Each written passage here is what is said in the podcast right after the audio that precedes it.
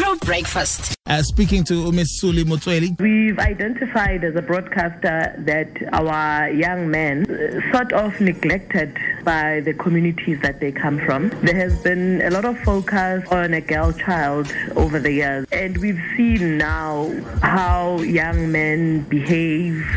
As the SABC felt um, with Tracker that it is very important that um, since 2009 we started this work and that we now need to grow it.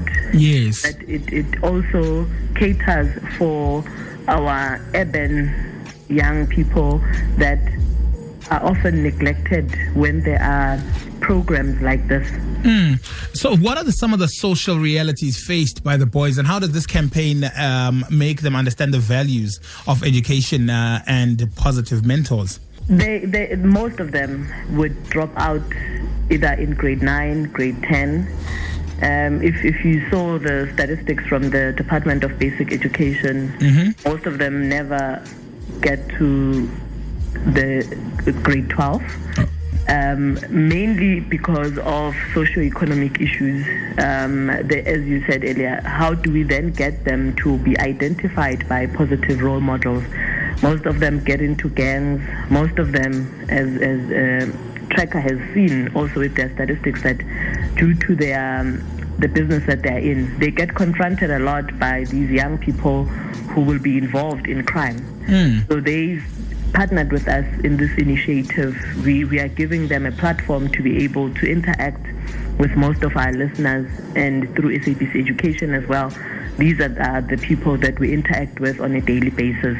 So we felt that not only do we want to take them off the streets, but we are inviting companies to be able to give them a day in the life of a working man. Mm. What what what would it take for them to be exposed to trade, to be exposed to organizations, and so that they also have a career path that they would love to be in. Some of these young men love to be mechanics, love to be IT people. Yes. So we've brought in quite a number of companies on board this year we started this campaign with 35 companies. Now we are sitting with 110 companies that are participating that will be intaking young people on the 17th of March, which we as the SABC we've termed the National Day for the Boy Child. Wow! Now, now, what are some of the opportunities uh, that, that, that, that, that I mean are, are, given by being part of this campaign, and uh, do they also stay connected with the mentors, the, these young boys?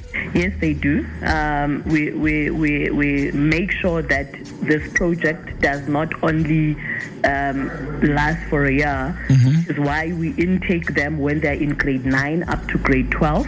Uh, that is through the basic education level. And then we now have alumni. Uh, some of these boys that we we took in are now doing first year, second year at university. Mm. They also now have become positive role models to those that are still in pre-grade.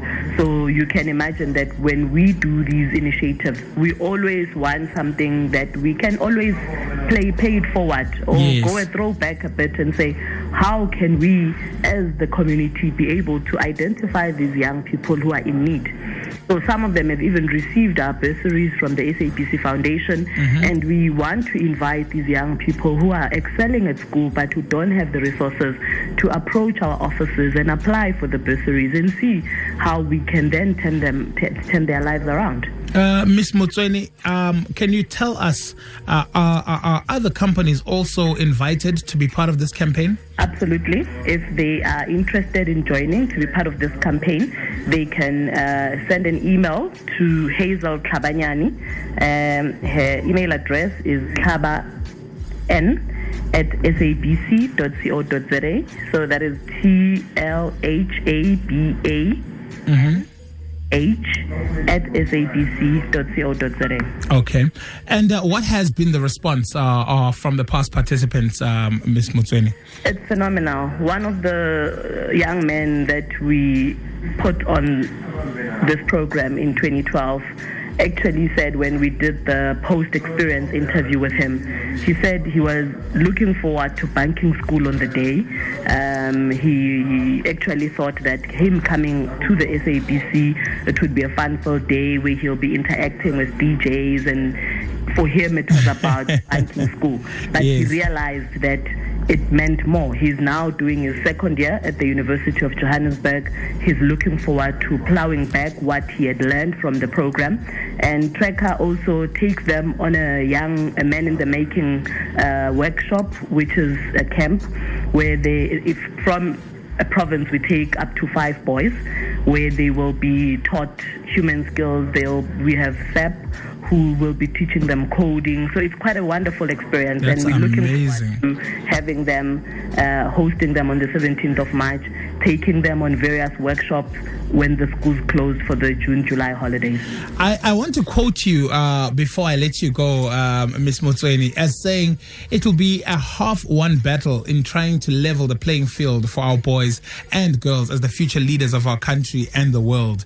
Uh, that is a very powerful statement. Is that uh, directed towards uh, the outcomes of this Men in the Making campaign? Absolutely. We, we need to embrace our young men. We need to give them a platform to be heard. Because some of, of the, the challenges that they face is exactly that cow, cowboys don't cry, men don't cry. Mm. I'm saying as a mother, boys, you are allowed to cry, you are allowed to be vulnerable, but let us allow us to walk the walk with you. Allow us to help you to be the men that we, we want you to be in the future. SABC Group Executive uh, of Corporate Affairs, Ms. Suli Motsweni, thank you so much for unpacking the Men in the Making campaign. True Breakfast.